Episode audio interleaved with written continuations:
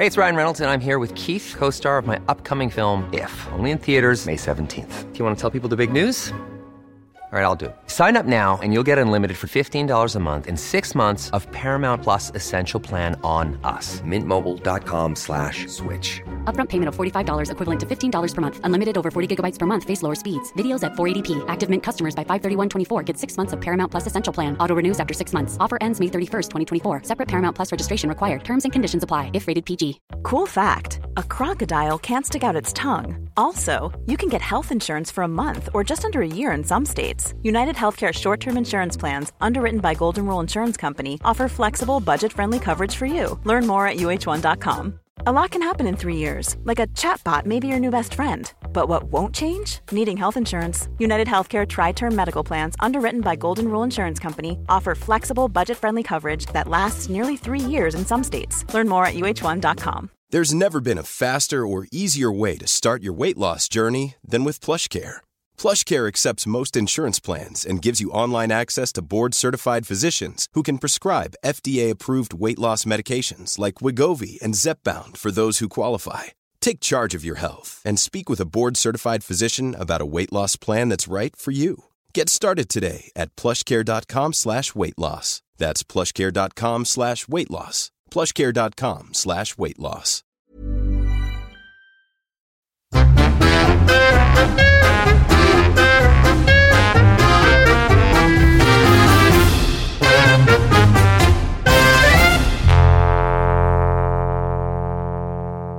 Hej och välkomna till Inte din morsa. Nu är det så många som har frågat mig älskling. Vi måste ha ett intervention. Va? är det du som är med i Masked Singer? Alltså vet du hur många det är som frågar mig om det här? Men jag blir så stressad också nu för att jag vet att du inte kan säga någonting med mig. Men så blir så här, mitt lilla övergivna barn är så här. Hon har inte sagt något till mig ens en gång. Nej, men jag och min producent eh, på Karlavagnen hon tror ju också att jag, hon är så här, jag vet ju att du har skrivit på ett tystnadsavtal så att eh, du kommer ju inte säga något men men alltså jag är inte med och du måste ju tro mig. för Jag tror så älskling. då, Jag är alldeles för dålig på hemligheter. Och jag har alldeles för lite respekt för sådana där tystnadsavtal. Kul att jag säger det också här i podden. Men ja, alla ni som vill tro att jag ska. Jag är ingen bra på hemligheter. Det är en utmaning för mig att så här, jag skulle nog absolut inte klara av det. Även om jag hade fått så här, 500 000 för att göra Mas- Masked Singer så skulle jag ha sagt det till någon. Dig. exempel. Men jag skulle i inte ha sagt det. Nej, det skulle du inte ha gjort. Det tror jag inte heller att du skulle. Men det, jag menar, det är omöjligt att hå- hålla en vardag rullande och åka runt på massa jävla sånginspelningar typ. Om man inte... Alltså det, det måste ju vara ett jävla sjå för de här eh, som är med. För det är ju otroligt inrepade nummer. Och, De är otroliga. ja, de är helt otroliga. Men känns det inte som att det är mycket eh, liksom, ja, men vad ska jag säga, deltagare som kanske inte har barn eller väldigt små barn eller sådana som kanske är lite äldre. Det kanske är svårt att så här, hålla det där kokande när man är mitt uppe i liksom allt. Jag vet inte. Jo. Jag vill ju vara Men med. det är också väldigt roligt att de, det måste vara en duktig castare tänker jag. För att de har ju lyckats få med människor som vanligtvis inte är med på sådana där grejer. Och eh, eh, den vanligaste förklaringen verkar vara att man vill lura sina barn eller barnbarn. Som Susanne Reuter som bara, det var mina barnbarn, jag ville lura dem. De, de trodde, alltså de har alltid trott att jag är en sån som aldrig är med i såna här lekgrejer typ. Men också väldigt bra för de som har scenskräck. Ja, att man får vara helt Ja. förklädd. Alltså skitbra. Och tänk dig då vad man kan gå bananas. Ja. För om man står rätt upp och ner och ska sjunga inför en publik på TV4 då kanske man inte skulle säga You are a superstar. då kanske man skulle bli lite så här, i- eftersom det inte är ens vanliga arena. Ja. Men med mask, jag tror jag skulle göra det riktigt bra. Men, men varför Ring tror du mig. att det är jag? För det är massa så ledtrådar. att Det är så här, äh, kändisdotter och så här massa grejer. Jag läste ledtrådarna och då kan man ju förstå. Men sen när, de, när Elsa Billgren så att säga åkte dit. Då fattade man ju det här med att det är så här kändisdotter. Sen är det så här, har hånglat med Persbrandt. Det är tydligen någon ledtråd. Som gör att folk, man bara, men hur många har inte gjort det? Nej, men- Ursäkta mig. Då har vi så svårt. 60 000 att, kvinnor i Sverige. och en del män. en annan karl, ganska många där också. Det där är också så korkat. För att om det skulle vara du, Mm. då ska man ha jävligt mycket is i magen för att säga så här, har hånglat med Persbrandt. Ja men det är en jättedålig ledtråd på mig. De, de tar ju, de vill väl förleda en så att man ska tro att det är andra kändisar. Det är väl Så klart. att säga. Men undrar vem det är? Gud vad roligt. Det kan inte vara de givna som har stått i rubrikerna. Ehm, hmm, det kanske är jag. Men kan det inte vara René då? Renés brygga René. Det kanske det är. Mm, för hon har ju i Renés brygga tror jag, eller om det var något annat så, så kysste ju då Micke henne i, i in front of the cameras typ. Eh, Så Aha, det skulle det kunna vara. Eh, Men Vet du vem jag tänkte på? Eh, Fiona eh, Staffan Scheja. Ja, just det. De någon, dotter. något diskoteka. kan de säkert ha gjort. Men jag måste bara fråga en grej. Vissa är så här, man rör inte någons ex. Just det. Enligt gammal liksom, biblisk princip. Ja, vad är det för princip egentligen? Det var i alla fall någonting, någon typ av så här, en väldigt utbredd och outtalad så, eh, regel när jag växte upp. Att så här, jag har liksom satt klorna i den här killen det kunde räcka med att så här, men jag var ju intresserad av honom, nu hånglar du med honom. Så ansågs det vara ett svek. Att man på något sätt har använt sitt sexuella kapital för att liksom sno åt sig någonting som inte kanske ens var någon annans. Liksom så. Och jag tror också känslan av så här, nu eh, när jag ville ha honom så ville du ha honom. Och sen det andra då att bli ihop med någons gamla ex. Ja. Där tror jag att det mer finns en utbredd rädsla för att så här, aha, eh, nu kommer någon få syn på saker, alltså nu, nu kommer min bästa kompis få syn på saker som jag inte har visat för någon annan än mitt ex. Typ att jag är som en kinkig liten jävla barnrumpa i vissa sammanhang, att jag går runt och är som en gnällspik. Alltså, någonstans tror jag att man har de allra flesta har olika roller med olika människor. Och den man lever tillsammans med under samma tak är väl den som får se hela ens jag. Det är svårt att... Eh, alltså de har väl ändå genomskådat ens karaktärsdefekter. Ja, och det tycker jag är så intressant. Det är att ibland så tänker man så här, varför eh, har jag lyckats hålla så bra relationer med mina bästa kompisar när det har varit svårare med män? Tänk om man kunde behandla varandra lite som man behandlar sina liksom, vänner.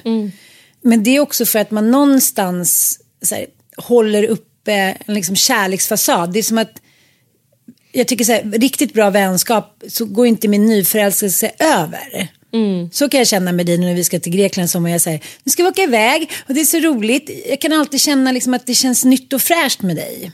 Sen kan det också kännas liksom, att vi är trötta och liksom irriterade på varandra. Så det är inte det. Men jag kommer alltid tillbaka till att jag tycker att du är liksom en av världens bästa personer. Superspännande, snygg, poppig dam med caps. och- Det tyckte jag var lite tufft. Jag har gått in i en ny stilepisod. Ja, men- Kör Madonna här nu. jag bara såhär, metamorfos. Ja, vi har ålderskris. Vi har ålderskris. Nej, men jag, jag känner väl respekt för dig. Jag kanske inte skulle så här, eh, fisa var ett jättedåligt exempel för det, det skulle jag säkert kunna göra inför dig. Men jag vill ändå visa mig från en bra sida allra oftast. Även om jag är ärlig med hur jag mår och sådär. Och det falnar ju ganska snabbt i en relation. I alla fall efter barnen kommer tycker jag. Ja, jag har en underbar granne som heter Solveig. Hon, hon är gammal krimreporter. Hon berättade det här för mig. Mm, att eh, man kan liksom inte hålla fasad. Nej. När man har eh, en tillräckligt lång tid. En psykopat eller en narcissist eller en person som har en allvarlig störning, till och med en person med schizofreni, kan spela frisk i Ja. liksom två veckor varje dag och folk kommer in och man är liksom helt eh, adekvat och reko. Men du klarar inte att upprätthålla det eh, över en viss tid. Det har man ju då såklart räknat ut. Jag skulle tro att det är FBI eller någon annan Ja. stor sån aktör som ligger bakom studier som visar detta. Det är ju sjukt spännande och jag tror att när man lever tillsammans med någon och delar liksom ett liv så är det ju så jävla mycket mer än det man gör som vänner. Du ska liksom komma överens om praktiska göromål som handling, städning, eh, liksom, dis- allt jävla skittråkigt Ja, men ska också göras. s- det, liksom, under bråken, eh, under vaknätterna, det man har skrivit, det man har sagt. Det Mm. kommer ju då ens kompis såklart får veta. Jag vet. Ja. Allt det kommer de få reda på. Ja. Och det kanske man inte är jättesugen på. Eh, Det är som att här- öppna någons liksom, sämsta dagbok. Den fulaste sidorna av ens liksom, innersta. Jag skulle aldrig vilja att du läste det. Jaha, alltså, du är ändå en väldigt nära vän till mig. Även om vi inte har levt under samma tak så tror jag ändå du har fått se ganska mycket av mina så här, defekter och jobbiga Jo, sidor. jo, vi har jo. jobbat ihop också. Det, Ja. det skapar en viss liksom då börjar det likna någon typ av samboskap för man ska göra upp om pengar och man ska, man ska liksom driva något projekt tillsammans och så här. Plus att man ska försöka vara vänner. Men, nej men jag skulle tycka att det var gen, genomvidrigt. Rakt igenom genomvidrigt. Men om någon snubbe som jag har hånglat med Nej. Ja. dejtat, det skulle jag skita fullständigt ja, jag med. Eh, om någon utav mina bästa, om jag typ hade hånglat upp någon snubbe här liksom i singel, i i någon typ av, ja men låt säga att jag skulle vara singel och hade gjort det och så skulle, skulle du bli intresserad av honom. Då skulle jag bara tycka perfekt, Mm. han är underbar. Det bryr jag mig inte om, det tror jag är en åldersfråga också. Men vad, liksom, det är det jag menar. Var går gränsen? Hur många år måste det ha passerat? Det jag känner om det skulle vara något väldigt nära skulle vara att jag skulle leva något metaliv med, vi säger att det var du och Mattias som flyttade ihop och blev kära. Då skulle det bli så här, att jag skulle känna att jag skulle ungefär veta vad ni gjorde på dagarna. Ja. Jag skulle veta hur ni skulle ha sex, det kanske var lite annorlunda. Nej men alltså, du vet, jag skulle liksom inte kunna bli fri. Nej. Förstår du? Jag skulle Han skulle säga, vara med hela tiden i alla fall. Man Ja. tror att man har så här lämnat någon så bara, nej. nej. Alltså, nej men du vet som man kan göra ibland, eh, att man kan ligga och så här, möblera om hus så här, som man ändå redan har lämnat. Eller tänka hur jag skulle gjort om jag varit ihop med den eller om inte jag hade skaffat barn. Alltså det är lite roligt dagdrömmeri. Och det här skulle ju bli dagdrömmeri av den mest vedervärda sorten. Men det måste ju nästan bli att det blir en paus från den vännen. Alltså man kan ju inte när man precis har lämnat en relation sen ge sig in på att fortsätta liksom någon vänskap, nära vänskap och ha det där exet som man helt plötsligt måste sitta då på olika jävla drinkar och middagar och skit med. Jag har så svårt att tänka att jag ens skulle klara av det. Liksom. Att, jag, att jag skulle öppna den kranen. För att, ja, men, några gånger på gymnasiet där så hände det att jag och Lill-Åsa, men jag kommer ihåg Arne tyckte vi båda var riktigt het. Egentligen passade han ju Vad bättre. heter ens Arne? Som är liksom inte 85 år gammal. Jag hade eh, tre killar i raden. De hette Arne, Göte och Clinton. Det var riktiga kåkfararnamn. Liksom. Då var vi inne på eh, ett diskotek i stan eh, liksom hela tiden. Vi hängde och där var Arne. Han hade ett vitt linne, alltid vitt linne och baggy brallor och eh, liksom långt svart hår. Såg lite ut som en native american. Det var lite kittlande och, och då kände jag efteråt när vi hade haft någon liten natt där tillsammans i hans hemska lägenhet. Att så här, var det här för att vi båda tyckte att han var snygg men egentligen kände inte jag att vi passade ihop men när han visade intresse för mig så blev jag så smickrad. Men det är den enda gången som jag känt så här, men gud gjorde jag det där bara för att liksom alla andra och Lillåsa tyckte han var snygg. Alltså, det kanske skedde undermedvetet. Men det är den enda gången som jag känner så här, och jag måste prata med honom om det. Men annars känner jag så att öppna den dörren. Det var då som att jag skulle så här, Micke, ja, men, när vi lärde känna varandra då var han ju ändå så här, den hetaste skådisen i stan. Och han kom in där, han har ju en magnetisk utstrålning när han är på det humöret. Och att jag då skulle liksom öppna upp det så här, ah men gud vad härligt, han kanske i den här lilla galna perioden vill träffa mig och- Alltså, liksom, jag kan liksom inte ens, jag jag kan inte förstå hur man öppnar den dörren.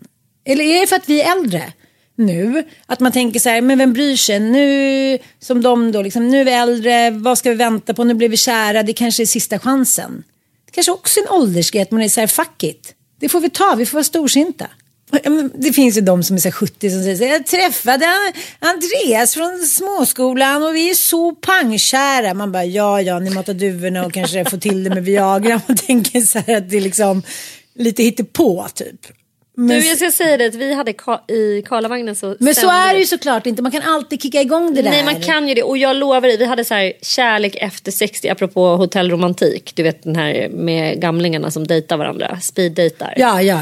Ja, då hade vi det temat i Karlavagnen och alltså det ringde in så mycket liksom härligt förälskade och kåta 70-taggare alltså, som var så här, bland annat en dam som ringde och berättade att hon och hennes man sen 30 år tillbaka, de träffades sen när de var liksom över 40 båda två. Men de hade ju lite svårt nu med fysiken men då har ju han köpt en massagebänk till mig. så, då smörjer vi in varandra med olika oljor och så. Alltså det var så här. Det, det, det, det var så mycket. Vi har mycket att se fram emot. Så Jaha. kan vi sammanfatta det. Det är ingenting oroliga. som avstannar här i takt med klimakterium och annat. Utan det, det, kommer, det kommer rasa på i, i ökad takt när barnen är, är stora tror jag.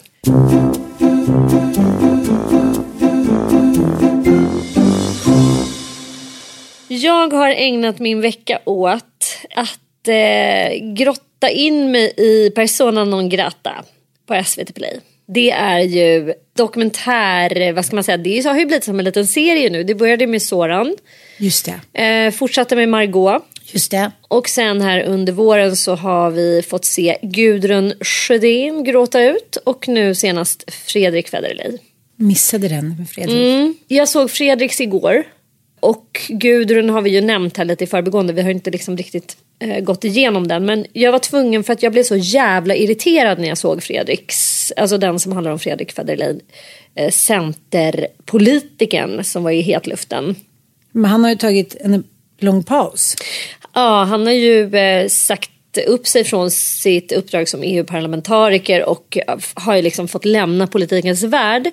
Eh, med anledning av att han då eh, dejtade och sambodde med en dömd pedofil som ju satt inne i nio år. Han blev dömd till nio års långt fängelsestraff för 22 grova våldtäkter. Det måste ju sina- vara bland de längsta straffen för pedofili i Sverige. och jag ska säga så här, för att eh, först när jag började titta på dokumentären så kände jag lite med Fredrik Federley. För, för att jag hade liksom inte läst domen. Och Fredrik kör ju retoriken, man måste ju kunna förlåta människor. Och vi lever ju i ett samhälle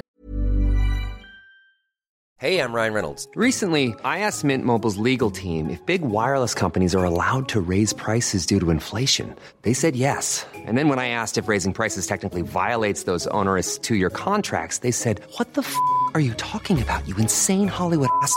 So to recap, we're cutting the price of Mint Unlimited from $30 a month to just $15 a month. Give it a try at mintmobile.com slash switch. $45 upfront for three months plus taxes and fees. Promo for new customers for limited time. Unlimited more than 40 gigabytes per month. Slows. Full terms at mintmobile.com.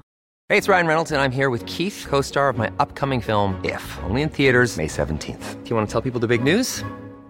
All right, I'll do it. Sign up now and you'll get unlimited for $15 a month in six months of Paramount Plus Essential Plan on us. Mintmobile.com slash switch. Upfront payment of $45 equivalent to $15 per month. Unlimited over 40 gigabytes per month. Face lower speeds. Videos at 480p. Active Mint customers by 531.24 get six months of Paramount Plus Essential Plan. Auto renews after six months. Offer ends May 31st, 2024. Separate Paramount Plus registration required. Terms and conditions apply if rated PG. Quality sleep is essential. That's why the Sleep Number Smart Bed is designed for your ever evolving sleep needs. Need a bed that's firmer or softer on either side? Helps you sleep at a comfortable temperature? Sleep Number Smart Beds let you individualize your comfort so you sleep better together. JD Power ranks Sleep Number number 1 in customer satisfaction with mattresses purchased in-store. And now, save 50% on the Sleep Number limited edition Smart Bed for a limited time. For JD Power 2023 award information, visit jdpower.com/awards. Only at a Sleep Number store or sleepnumber.com.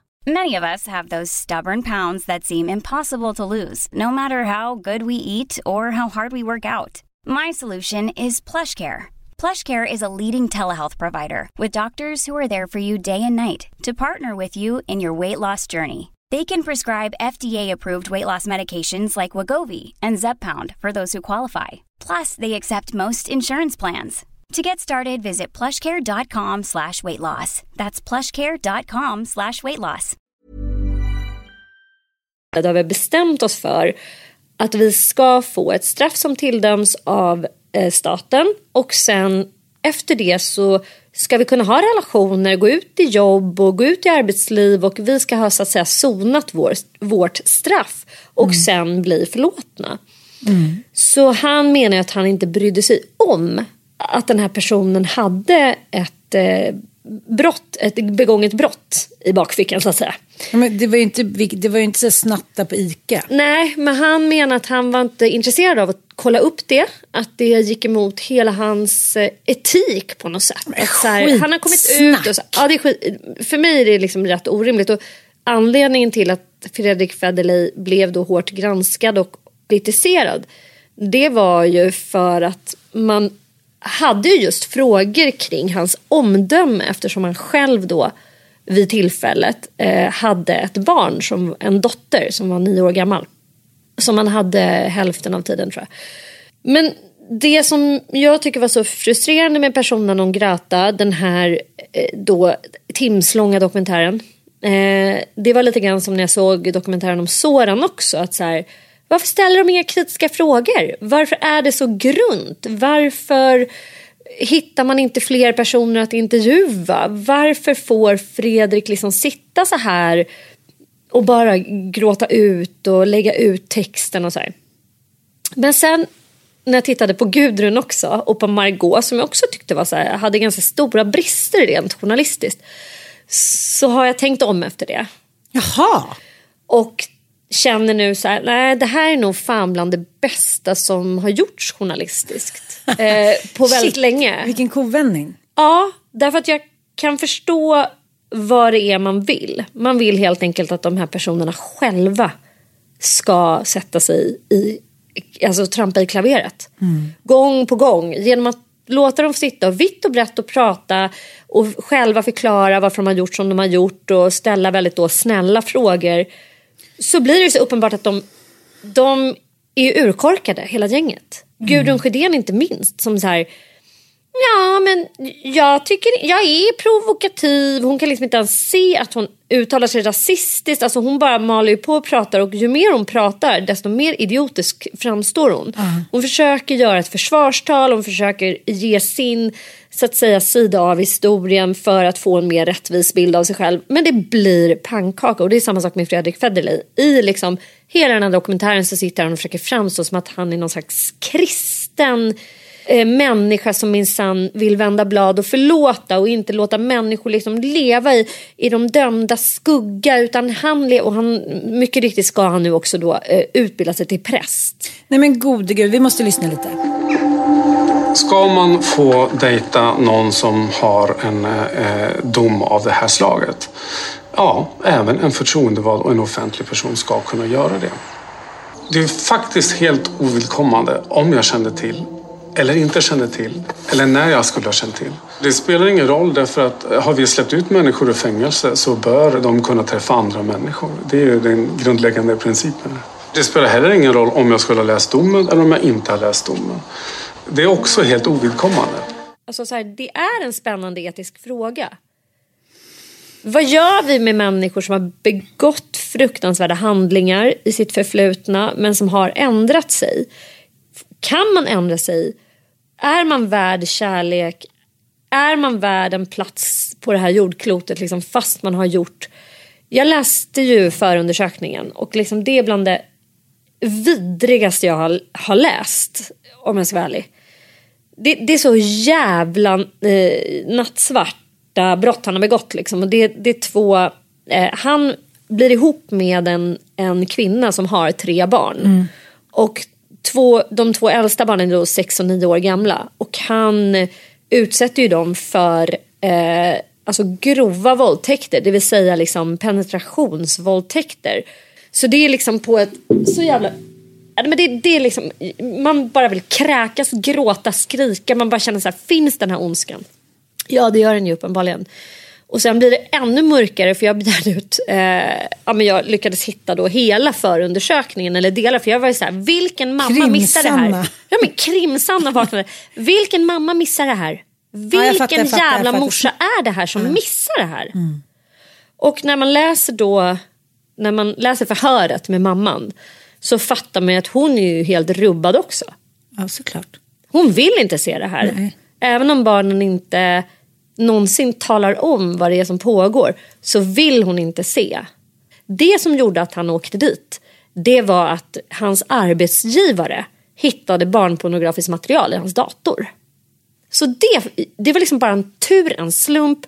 Annars hade han kunnat fortsätta hur länge som helst. Men mamman i förhöret då, hon tyckte inte att det, det liksom fanns en korrelation då mellan deras dåliga mående och att han hade kommit in i deras Nej, liv? De, de hade bara, han hade bara varit underbar och så gullig och så underbar och så snäll.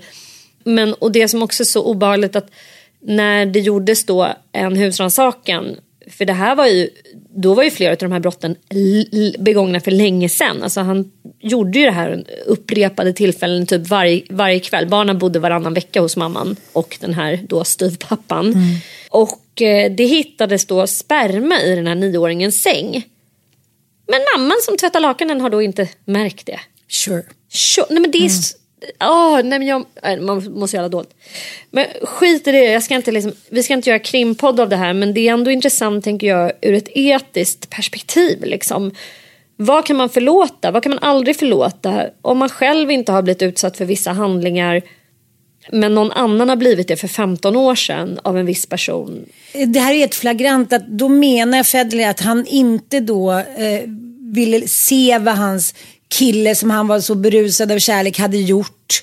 Trots att han visste om det här med pedofilidomen. Han ville inte veta, han ville hålla sig till att han trodde och kände att det var en light-version av det här och då var det okej. Mm, att han menar vid upprepade tillfällen i den här dokumentären att han, jaha, han berättade ju då att han hade suttit inne och han ville nog berätta mer än vad jag ville att han skulle berätta. För jag, helt ärligt, han liksom, Nej. han håller sig till en ståndpunkt att han är inte intresserad av själva brottet. För han tycker att alla människor förtjänar en andra chans när man väl har suttit av sitt straff. Det är hans benhårda, etiska, Så det där är bara moraliska... skitsnack. Det där är bara en kåt killes själviska försvarstal.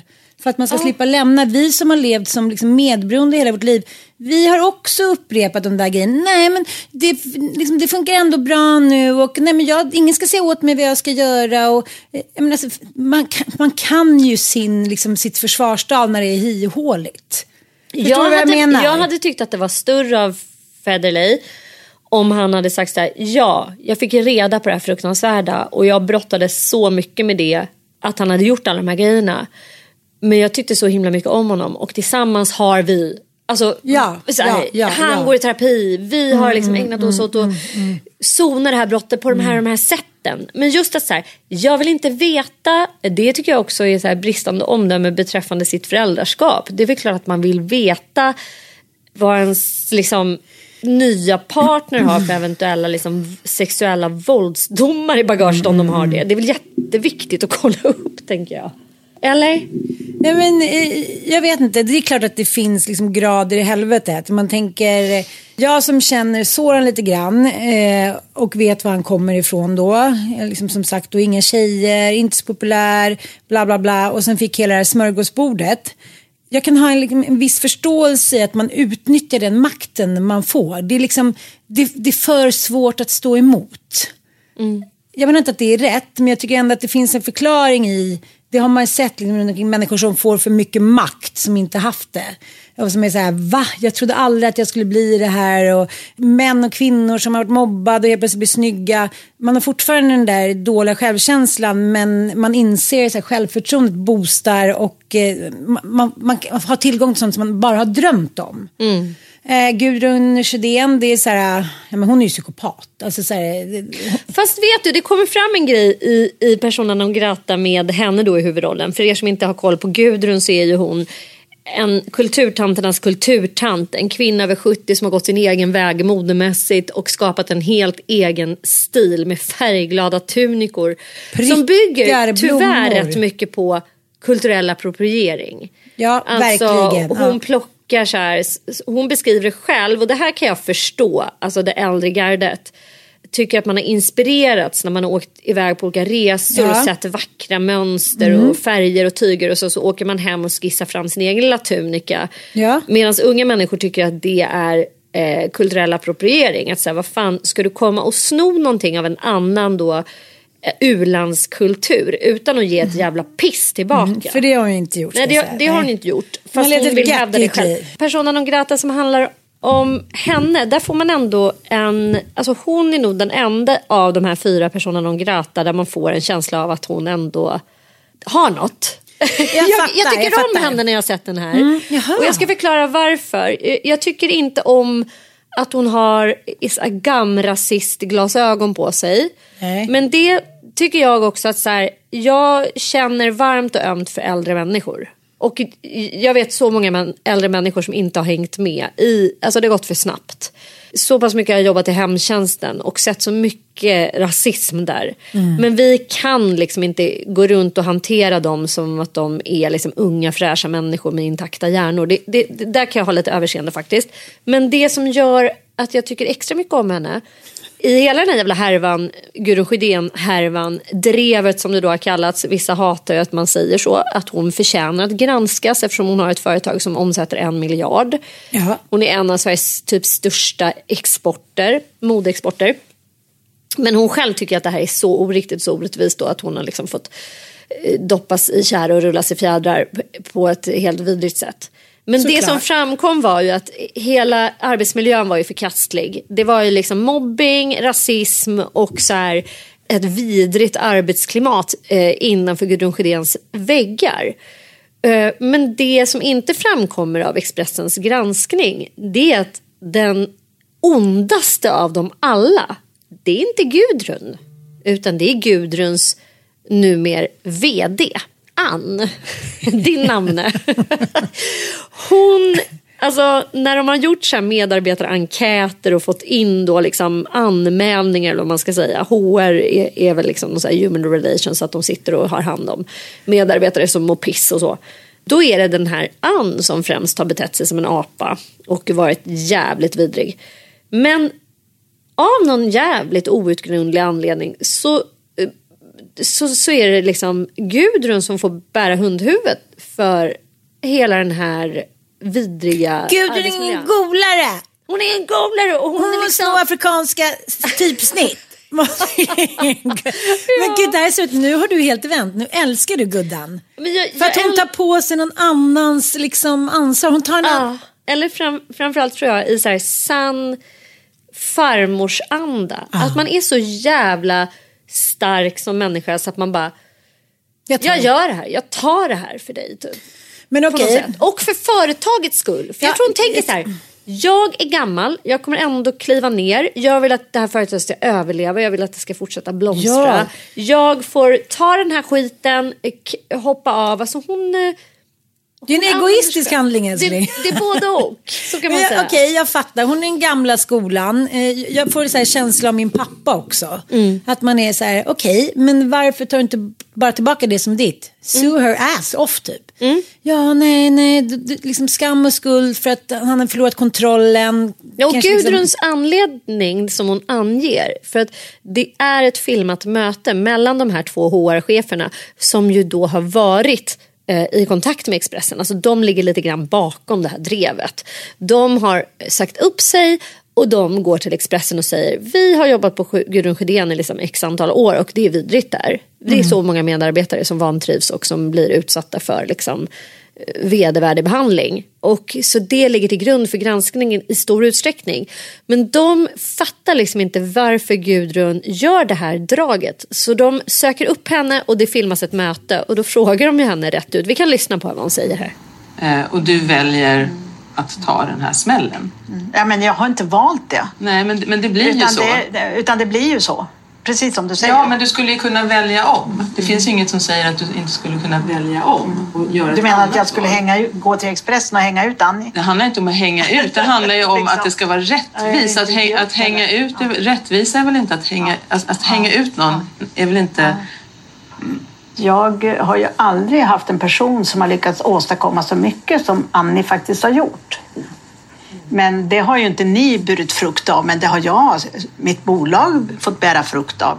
Det inte har varit hur man mår i bolaget har ju inte varit det viktiga för mig, utan kunden har varit den viktiga. Summa summarum, de här persona non grata eh, dokumentärerna, jag tror att den stora behållningen med dem, det är ju att vi måste liksom ifrågasätta vår moral.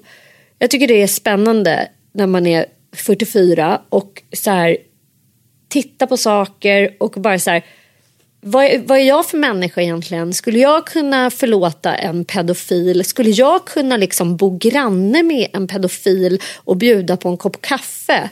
Var går mina moraliska och etiska gränser? Jag tror att så många av oss har väldigt så här, starka idéer om hur det skulle vara. Jag skulle aldrig kunna göra, jag skulle aldrig kunna förlåta, jag skulle aldrig kunna ha det på min bla bla bla.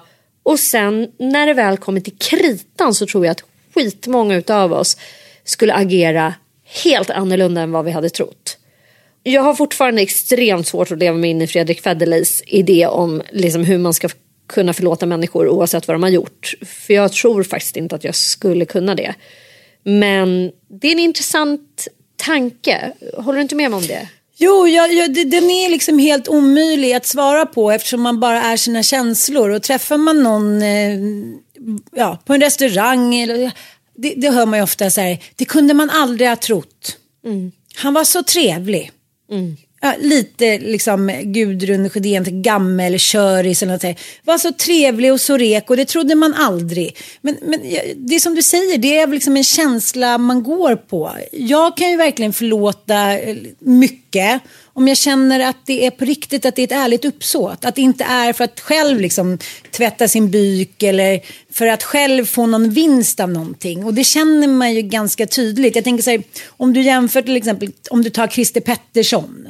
Om han och en polare hade varit ute och supit i Solna och sen hade det blivit lite bråk och sen hade det liksom, oj en gammal pickadoll dykt upp. Och pff, då kanske det är lättare för mig att förlåta Krille än om han hade liksom våldtagit ett barn. Alltså, Systematiskt. Ja, det här I systematiska. tillstånd, så här. Ja, det är väl samma sak som med otrohet som vi pratade om. Att liksom, eh, ja, vissa människor kommer alltid vara otrogna. Eh, narcissisterna, psykopaterna, eh, machiavellianerna liksom. Vissa gör det för att de eh, har dålig självkänsla. Så att inte du ska lämna mig först, en gammal klassiker. Eh, vissa är alldeles för fulla, någon är deppig. Alltså, orsaker finns ju alltid. Om man bara tar reda på, om man är riktigt intresserad av orsaken bakom. eh, Jag tänker inte liksom den pedofilgrejen, den, den, den skit, jag skiter i vilka orsaker det är. Eftersom det oftast är att de själva blivit Men jag utsatta. tänker också så att det som är sjukt med pedofilgrejen. Det är när man börjar läsa undersökningar om hur vanligt det här är. Så, så börjar man också förstå att så här, det sitter ju pedosar överallt. Alltså, vi har dem på våra arbetsplatser, vi har Ja, dem eh, liksom, när vi går in på en husläkarmottagning. Eh, vi har dem eh, mitt ibland oss. Och jag tänker så här, ni som lyssnar, ni är ändå 70 000 goa lyssnare varje månad. Nej, mer. Och eh, jag är genuint intresserad. Är det någon av er som eh, liksom har egenupplevd erfarenhet av att ha en nära anhörig? Jag tänker släkting, vän, eh, Syskon. syskon. Alltså någon som har begått något sånt där eh, Kollega. bestialiskt brott. Alltså det vi ser som kanske absolut fulaste. Det är väl pedofili. Eh, Ja. men, men också förstås liksom våld mot kvinnor och barn tror jag är så här, har vi väldigt svårt för att tänka oss att vi ska ha i kring oss. Är det någon av er som har erfarenhet av att ha det här i er närmsta krets? Kan inte ni höra av er till oss? Skicka ett DM på vår Instagram, inte din morsa. Jag skulle tycka att det var så intressant att höra liksom hur man resonerar. För att vi, vi, det är som sagt, när, när man inte själv har egenupplevda erfarenheter. Det är väldigt lätt att sitta där och sätta sig till doms över hur man skulle ja. göra. Men sen rätt vad det är så... Det är så Mm. kulturellt också, socialt betingat. Något, Någonting som är det värsta brottet i ett land är ju liksom ingenting i ett annat land. Mm. Nej. Jag tänker som i USA är det ju väldigt stor skillnad. Där är ju inte moralen så hög som man kanske tror. Men däremot pedofili, Mm. våldtäkt, då är det så här, you're in for life. Här är så, det, det, man får liksom några månader för en våldtäkt. Och, ja, Ja, men, det är ett vanligt intressant. sätt är ju också, tror jag, att så här, man vill inte tro att det har hänt. Det är väl därför det finns så många eh, berättelser om våldtäkt där man liksom tar eh, förövarens parti. Så det var hennes fel. Det är klart att de inte våldtog henne så här, att man vill eh, bara inte tro det så att man tar man, man liksom går på en helt annan berättelse än den, den som verkligen var. Men handlar Eh. inte det om att, att någonstans så har vi, vare sig vi vill inte, ett kollektivt ansvar för våra medborgare. Så att när det här sker så blir det lite som att det svärtar ner en själv och ens Mm. egna moral och ens egna liksom flathet. Jag tror att vi är väldigt naiva fortfarande. Jag kan känna mig otroligt naiv. Mm. När någon säger så här, ja men eh, han gjorde ju så eller hon var ju så. Jag var så här, va? Nej. Jag hör mig själv ofta säga det. Jaha, jaha men har träffat ju honom på den här festen. Är han ett arsle? Är han elak mot henne? Ja, och då blir jag direkt, det är därför hon ser olycklig ut. Ja, alltså att vi måste hela tiden, vi måste liksom ta skutan i hamn. För att inte känna att vi själva inte har lagt märke till ja, men misshandel eller våldtäkt eller någonting. Jag tror att det blir som en, en kollektiv skam. Definitivt, det tror Mm. jag också. Men det är intressant, som sagt, när man själv börjar vackla. Vad tycker jag egentligen? Vad känner jag inför Mm. såna här eh, bestialiska handlingar? Vad, alltså det, som sagt, jag tror att vi, vi har liksom någon slags bergfast idé om att sån här är jag och det här står jag för. Och jag tycker också att vi lever i ett samhälle som är Alltså det har ju hänt så jävla mycket. Saker och ting, det fattar man ju som sagt när man ser dokumentären om Gudrun där. Att för 40 år sedan var det helt okej att liksom, nej men man fattade ingenting om kulturell appropriering. Nej. Nada, inget. Man Nej. bara, alltså hon plåtade ju på riktigt eh, en modefotografering med så samiska eh, liksom Ja. typ klädesplagg som är inspirerade av, av samiska så här, sömnadsdetaljer. De är inte inspirerade, de är i stort sett kopierade. Ja. Och det är så här hattar och renskinn, alltså det är så här, det är på ett sätt som är helt otänkbart idag. Men Naturmänniskorna inom citationstecken. Och att eh, kulturtanten på något sätt, hon utstrålar jag har rest, jag älskar kultur, jag, jag älskar alla världens människor. Det är det som också krockar så jävla mycket med Tolerans. henne. Så här. Ja, det, man ska utstråla total tolerans. Det är väldigt mycket Kerstin Thorvall över det hela. Och sen fattar man ju ändå att så här, Kerstin Thorvall Hon var ju också ligga. extremt rasistisk. Men fan ligga. åker till Senegal och köper sex liksom. Det är superrasistiskt och skitvidrigt Mm. att göra det oavsett om man är kvinna eller man. Verkligen att så här, utnyttja superfattiga människor Mm. eh, när man själv är så en rik och uppburen författare oavsett kön. Vi har ju också levt i det att så, här, så mycket som vi har sagt och gjort som liksom vi skulle typ bli kölhalade för idag. Och jag Gud, tänker, ja. och jag tänker, men Tina Turner också, som eh, Rest in peace. Rest in peace. Eh, Gud vad man kände att hon har betytt mycket för en. Mm. När hon gick bort. Det var någon som sa så här, ja den kanske inte har hängt med den här ljudbilden skrev Per Bjurman. Jag bara, den har hängt med. Mm. I'm your private dancer. Ja, men jag tycker allting är liksom, eh, men hon levde ju med Ike Mm. eh, Turner i 20 år. Blev misshandlad ja, konstant i 20 år. Födde barn, blev misshandlad, fick rymma, sönderslagen, fick operera om näsan. Eh, vad var det kollektiva ansvaret på 60 och 70-talet? Och sen när hon väl lämnar honom, springer ut mitt i natten, barfota, misshandlad, blodig, eh, liksom nattsärk. Går in på ett motell och säger så här, hej det är jag som är Tina Turner, eh, jag har inte en spänn liksom. Men eh, han kommer döda mig. Och sen hela den här resan tillbaka och som hon säger också i Netflix-dokumentären. Nej, men det är klart att jag aldrig varit lycklig liksom. Det, det, det går aldrig att bli hel efter det man har blivit utsatt för. Men jag kör på, jag gör det bästa. Jag trippar och tränar på mina högklackade skor så att jag kan se ut som en så galen krigerska på scenen. Det var, hon var väldigt mycket mer uttänkt än vad man tror, tror jag. Att man, så här, man kör ändå på och man förändrar världen för nästa generation. Man tar liksom en för teamet. Men det var ju ingen som la sig i en misshandlad kvinna fram till för 20 år. Man fick ju till och med lagligen både våldta och misshandla kvinnor i Sverige. Så att, ja, det är inte lätt alltså. Nej det är det inte och det går väldigt snabbt också med moral. Alltså den förändras ju mycket snabbare förstås idag. Alltså det är väldigt intressant i, i Gudrun-dokumentären också. Hon flyr till New York, till detta öppna samhälle som hon tror. Absolut, De bara, absolut. sure, du har typ hamnat i, här har liksom PK, det är också så typiskt amerikaner att när någonting gör inträde där, då är det liksom uppdraget i hundra, Mm. upphöjt i liksom de har ju så sjukt mycket, det, det går absolut inte att ägna sig åt kulturell appropriering där inte. Man kan inte liksom inte jobba med eh, heter representation och så vidare. Du, du måste liksom tänka helt annorlunda idag eh, om du ska nå framgång i USA. No, no invitations. mig. nu vet ju jag vad jag ska köpa dig, till dig i födelsedagspresent. Det blir såna där vantar avklippta prickar. Försök inte du.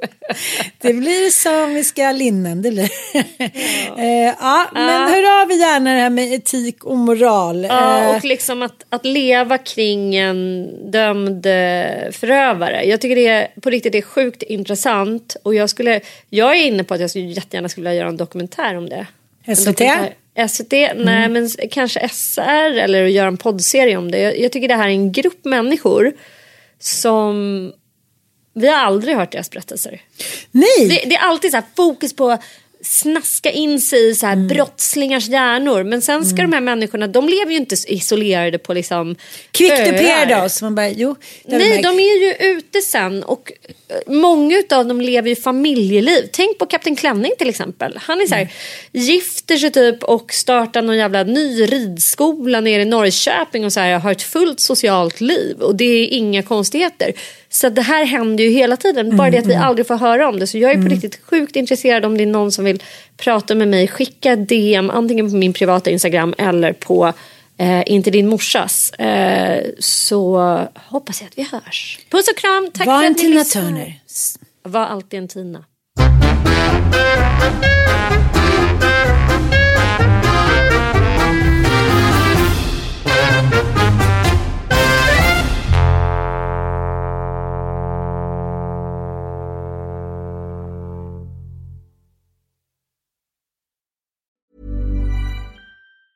Planning for your next trip? Elevate your travel style with Quince. Quince has all the jet setting essentials you'll want for your next getaway, like European linen, premium luggage options, buttery soft Italian leather bags, and so much more. And it's all priced at 50 to 80% less than similar brands. Plus, Quince only works with factories that use safe and ethical manufacturing practices. Pack your bags with high-quality essentials you'll be wearing for vacations to come with Quince. Go to quince.com slash trip for free shipping and 365-day returns.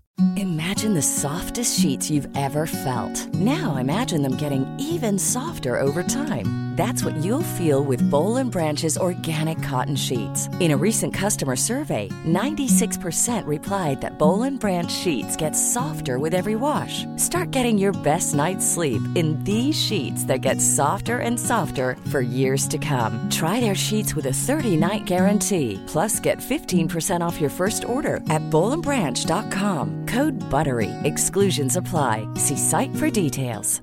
Planning for your next trip? Elevate your travel style with Quince. Quince has all the jet setting essentials you'll want for your next getaway, like European linen, premium luggage options, buttery soft Italian leather bags, and so much more. And is all priced at 50 to 80% less than similar brands. Plus, Quince only works with factories that use safe and ethical manufacturing practices. Pack your bags with high-quality essentials you'll be wearing for vacations to come with Quince. Go to quince.com slash pack for free shipping and 365-day returns.